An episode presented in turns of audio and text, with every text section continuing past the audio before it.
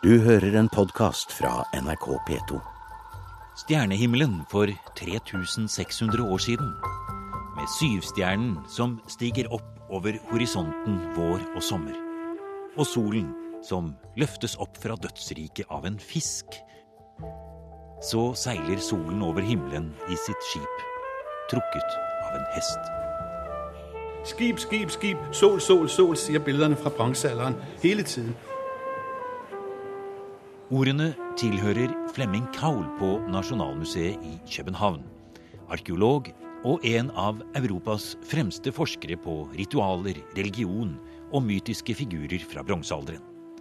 Solen og stjernehimmelen må ha hatt en mektig innflytelse på menneskenes filosofi og religiøse liv helt fra stenalder. Gjenfødelse og død, naturens gang, avling, fruktbarhet og livet selv. Alt er avhengig av solen. Og dette er jo ikke noe nytt, men at man skal ta skrittet fra antakelser, teorier og sannsynlige forklaringer over til visshet, det er noe nytt. Så da en rund bronseplate i en skive med gullornamenter, stjernetegn, måne, sol og astronomisk korrekte angivelser plutselig dukket opp av bakken i den lille nordtyske byen Nebra for fem år siden. Da var sensasjonen et faktum.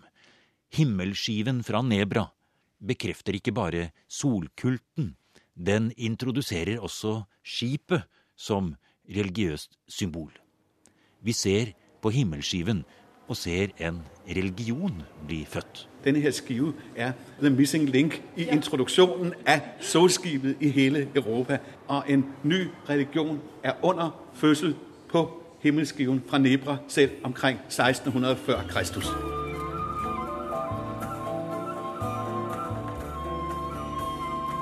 «1600 før Kristus ble bronseskiven satt ned i jorden i fjellene ved Harzen i Nord-Tyskland, ca. 40 km inn fra Østersjøkysten. Dette er godt innenfor det som kalles det sørskandinaviske området i bronsealder, og har stor interesse også for de arkeologene som arbeider med funn fra resten av Skandinavia. I Danmark har de den berømte Solvognen fra Trundholm mose på Sjælland, en bronsehest som trekker en gullforgylt solskive etter seg. Den ble funnet i 1902 og er blitt et symbol for hele verden på den solkult som var utbredt i Nord-Europa 2000 år før Kristus.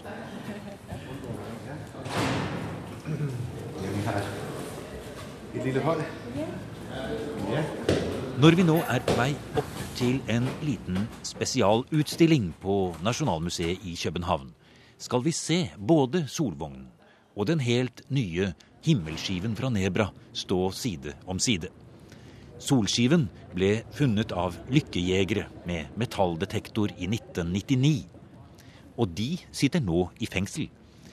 Takket være godt politiarbeide i Sveits og Tyskland har Solskiven blitt reddet, og den er nå på sin seiersgang rundt til de store museene i Europa. I tillegg til Flemming Kaul, som har forsket på Solskiven de siste fire årene, har vi med oss arkeologen Lene Melheim fra Universitetet i Oslo. Hun arbeider også med begrepet astroarkeologi. Det går ut på å forsøke å forklare bronsealderens ritualer og mytologi ut fra et kosmologisk synspunkt. Ja, og det er vel på en måte forholdsvis nytt. For det har jo vært litt sånn at de som jobber ut fra astronomiske forklaringer, at de har havnet litt innenfor det som vi kaller for fringe archaeology. At det er litt i utkanten av hva den vitenskapelige arkeologien liker å holde på med. Og at det astronomiske forklaringer ofte, eller astrologiske forklaringer ofte kommer inn når man egentlig ikke har noen annen god forklaring. Men i dette tilfellet her med Nebra-skiven så har vi jo faktisk en framstilling av stjernehimmelen, måne, sol, altså en kosmisk framstilling. Man har lett for å undervurdere fortiden, men eh, mennesker har vel til eh, alle tider eh, fundert over hva som, har, hva som er rundt dem, hvordan ting henger sammen, hvorfor månen er på ett sted den ene dagen, og hvorfor den forandrer form osv. Så, videre. så egentlig syns jeg ikke det er overraskende, men jeg syns at det er veldig overraskende at man har et funn, altså Nebra-skiven, hvor man eh, får se hvordan de har sett for seg at det hang sammen, og hvor man også får kjennskap til at man har hatt helt eh, eksakte målinger av fenomener på stjernehimmelen. Eh, og det sies jo også at for å lage denne nebraskiven, for å framstille den, så må man ha fulgt med på disse fenomenene gjennom generasjoner. Det er ikke sånn som man lærer bare i løpet av ett menneskeliv, men det er altså kunnskap som bygger på hverandre.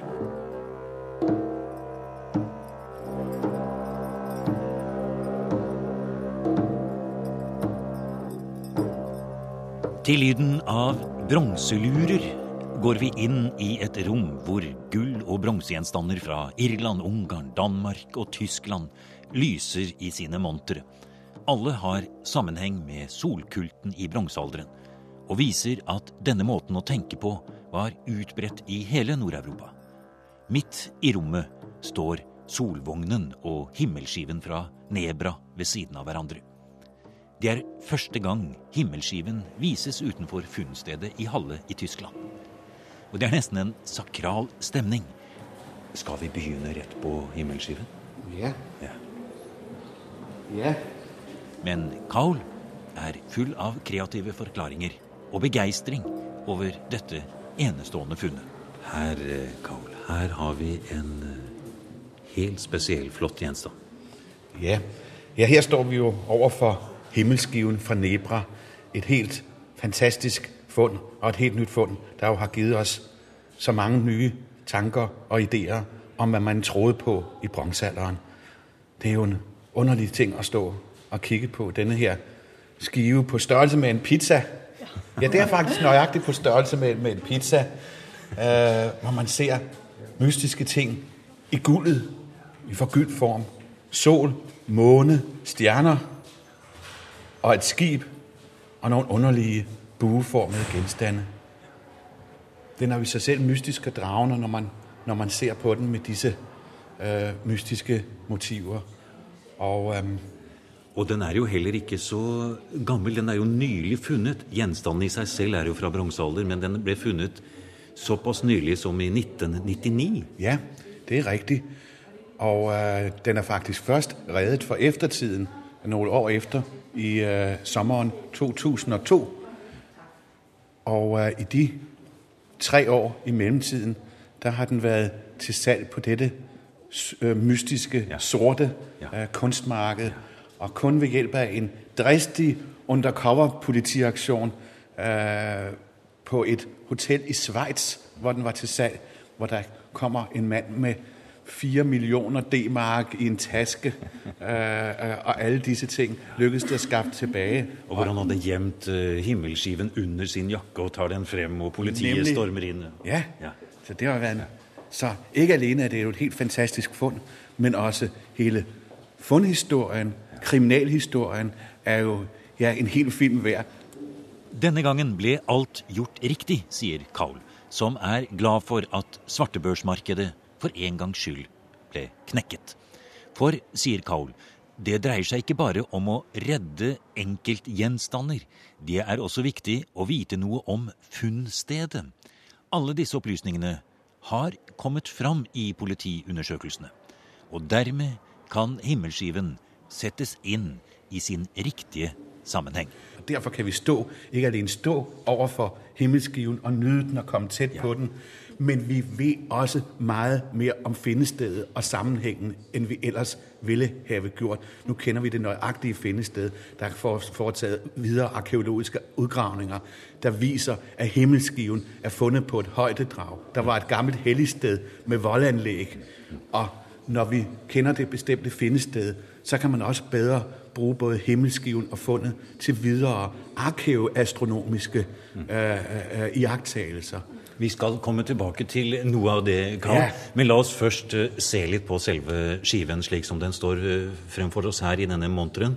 Dyp grønn farge i eh, en 32 cm omkrets. En helt flat skive. Og så er det gullornamenter her. Det er altså stjernehimmel. Det er solen. Det er månen. Og det er et stilisert skip. Men det er eh, mer å si om det enn at det bare er stjernehimmelen. For det er ikke en fri fantasi. Det er et bestemt stjernetegn.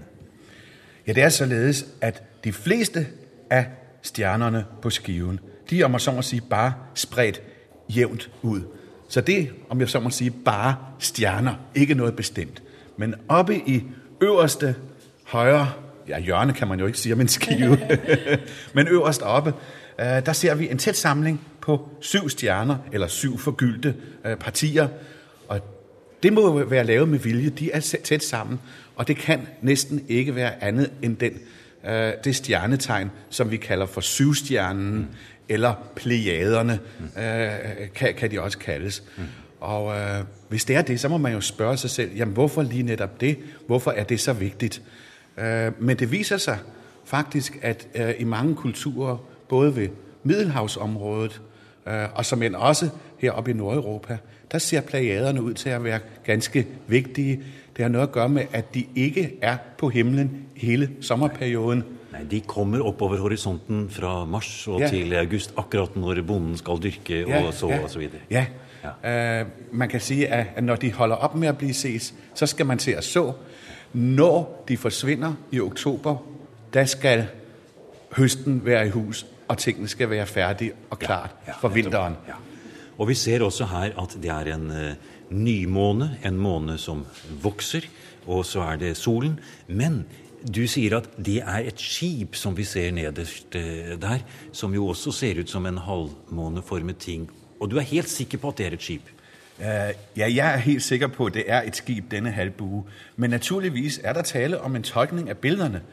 Uh, det har også været uh, fremhævet, at det kunne jo være en regnbue, for eksempel. Og det kan man jo ikke udelukke, det er jo en tolkning, men efter alt at dømme, så må det være et skib, og selvom det er ganske stiliseret, så med sine tre linjer og andre detaljer, svarer det faktisk veldig godt til, skibs, til stiliserede skibsgengivelser, øh, både fra Ægypten og Middelhavsområdet, og som end også øh, her øh, fra Norden. Så jeg er ikke selv i tvivl om, at her er der tale om et skib.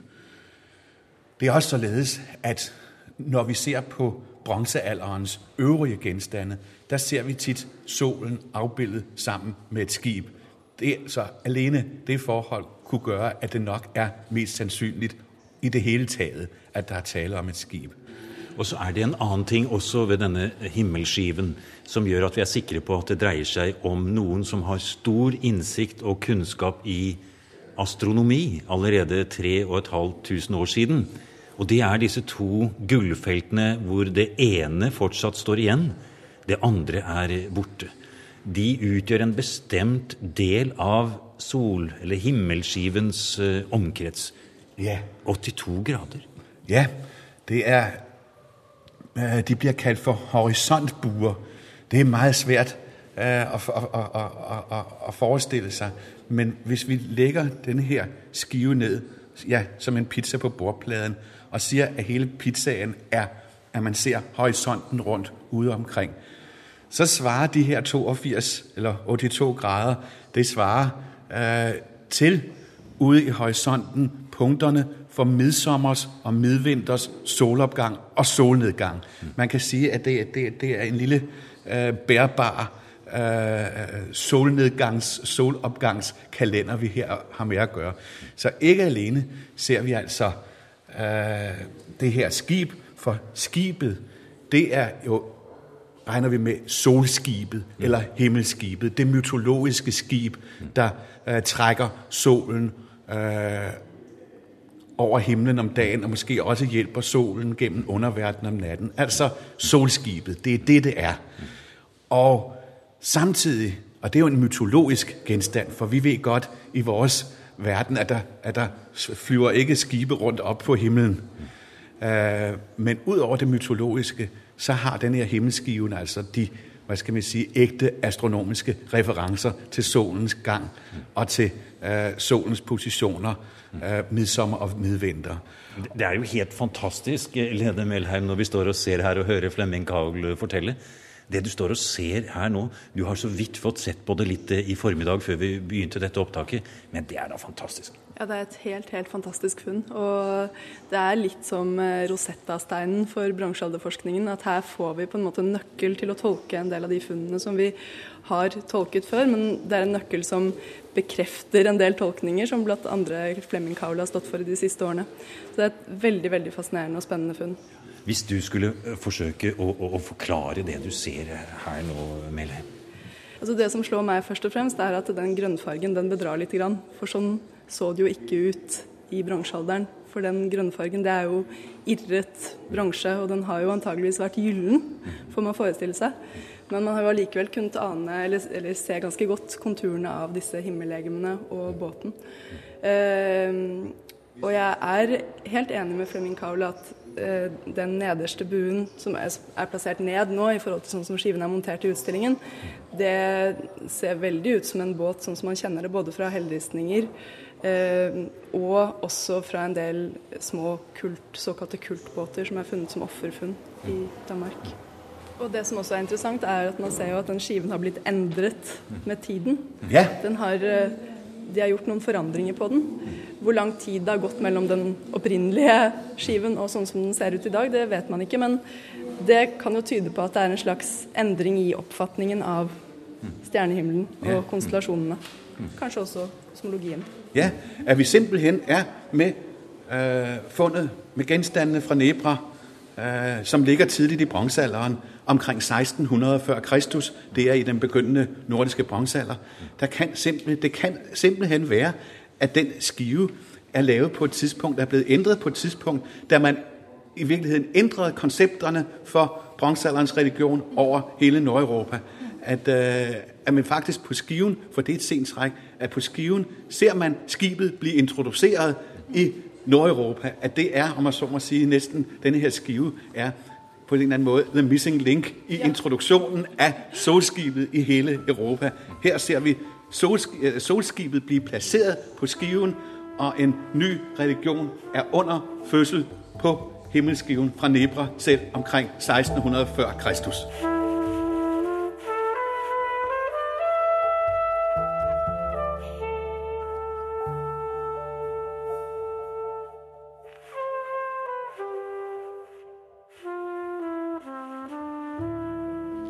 En ny religion blir født omkring 1600 før Kristus, sier Flemming Kaul, og kaller himmelskiven fra Nebra en missing link.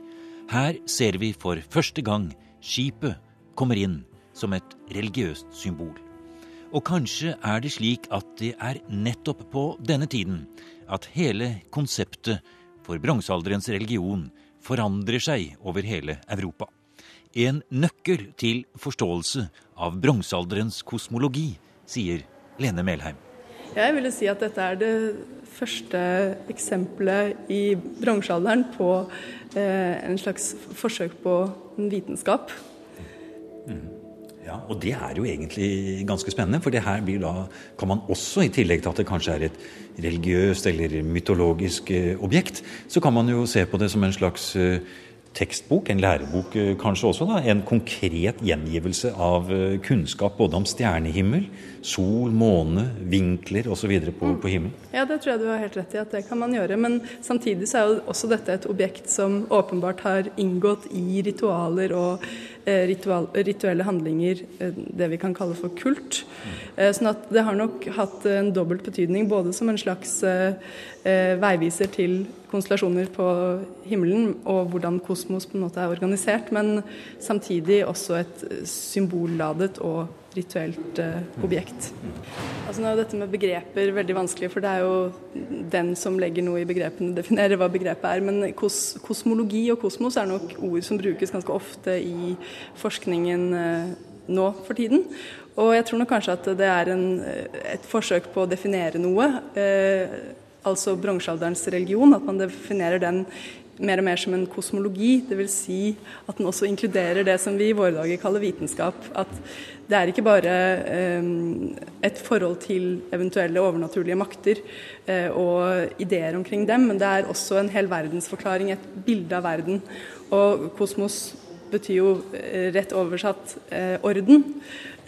og det er jo verdensorden som man her har forsøkt å beskrive, og som vi forsøker å beskrive når vi bruker ordet kosmologi om bronsealderens religion. Det vi står og snakker om nå, det er jo litt dette her med symboler som enten endrer innhold, eller som kan ha et dobbelt innhold.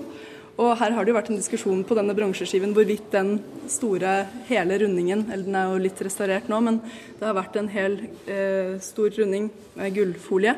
Hvorvidt det er solen, eller om det er fullmånen.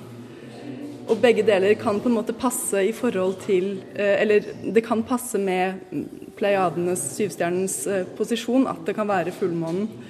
Eh, og jeg vil ikke driste meg ut på å si om det er det ene eller det andre, men det som jeg syns er fascinerende i forhold til bronsealderens kosmologi og symbolikk, det er at man veldig ofte har symboler som har flere betydninger. Så hvorvidt det er solen eller månen, det spiller kanskje ikke noen rolle, og det ser man jo også på eh, Trundholm-vognen, eh, hvor solskiven er sol på den ene siden og måne eller nattsol på den andre siden. At eh, det kan hende at man ser begge deler i ett bilde. Og sånn syns jeg også det er veldig ofte på helleristninger og eh, dekor på gjenstander, at man ser flere ting samtidig. Ja, ja man, kan sagtens, øh, man, man, man, kan faktisk sagtens lave det som et kompromiss og si at den fulde cirkel kan i noen sammenhæng godt være solen, men kan også være månen. Uh, det, det, mener jeg slett ikke er noe problem, at der er må så må si, flere lag av symbolikk. Men, men, dere har jo også et eget bidrag her i, i, i Danmark, og det står like bak ryggen din her, Flemming. Nå skal vi gå et par skritt tilbake, og så ser vi det som sikkert mange også nordmenn har kunnet se før, nemlig det som kalles for Solvognen her i, i Danmark. Og igjen så ser vi jo denne fantastiske runde skiven som da en hest i bronse trekker etter seg.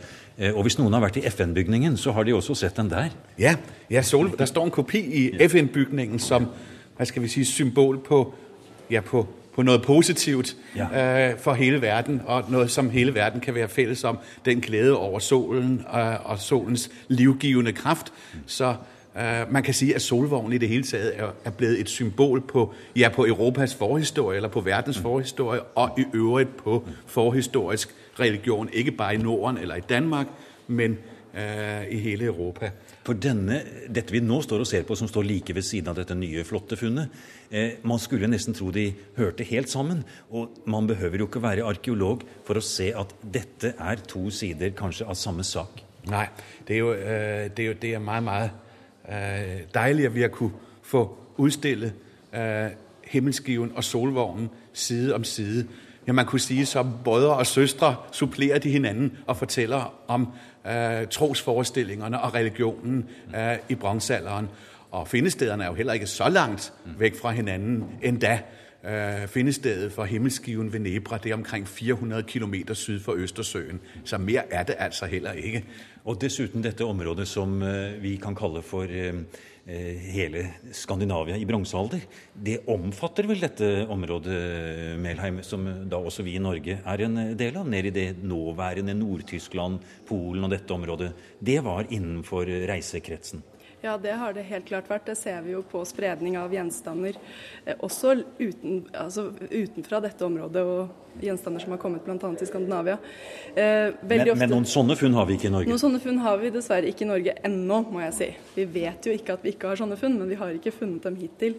Eh, men det som er veldig fascinerende, er at vi kan se veldig mye av det samme symbolspråket, hvis jeg skal bruke et sånt ord, på bl.a. på helleristninger og på, som ornamenter på gjenstander. Så jeg tror nok helt sikkert at eh, selv om man har lett for å behandle Norge som en slags utkant i bronsealder, en periferi, til, særlig til det rike Sør-Skandinavia, eh, som vi nå befinner oss i, så, så, tror jeg nok helt sikkert at man har hatt en del av den samme forestillingsverdenen. Jeg vil gjerne tilføye at jeg tror at dette handler jo helt klart om religiøse forestillinger, eller det man kan kalle kosmologiske forestillinger.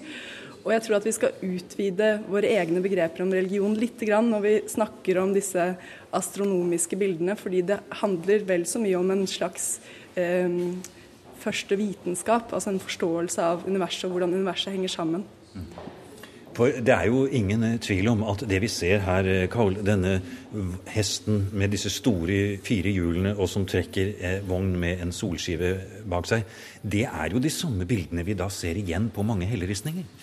Uh, ja, Uh, det bildet av hesten der trekker solen, den trosforestilling, den ser man på mange helleristninger og også på små bronsegenstande. Og der finnes faktisk også sådanne solheste uh, i Norge.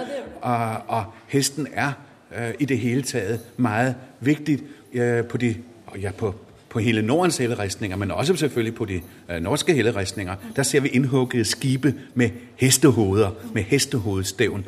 Og man skal ikke tro at fordi at, at der ikke er personifiserede guder eller et helt gudeparnas, at man så kaller det for noget primitivt eller simpel religion. Det er jo et meget, meget velstruktureret kosmologisk system.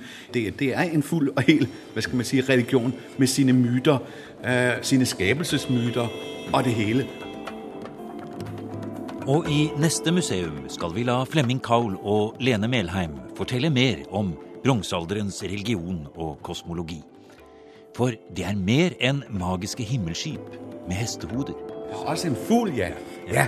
For fisken den får ikke lov til å seile med på formiddagsskipet. Og også denne historien om solens hjelpere på vei over himmelen og ned i mørkets rike kan Flemming Kaul belegge med flotte funn fra bronsealderen.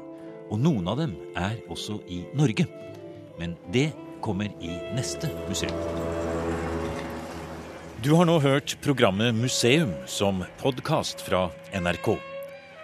Museum sendes i NRK P2 på lørdager og søndager. Du finner flere programmer på nrk.no podkast.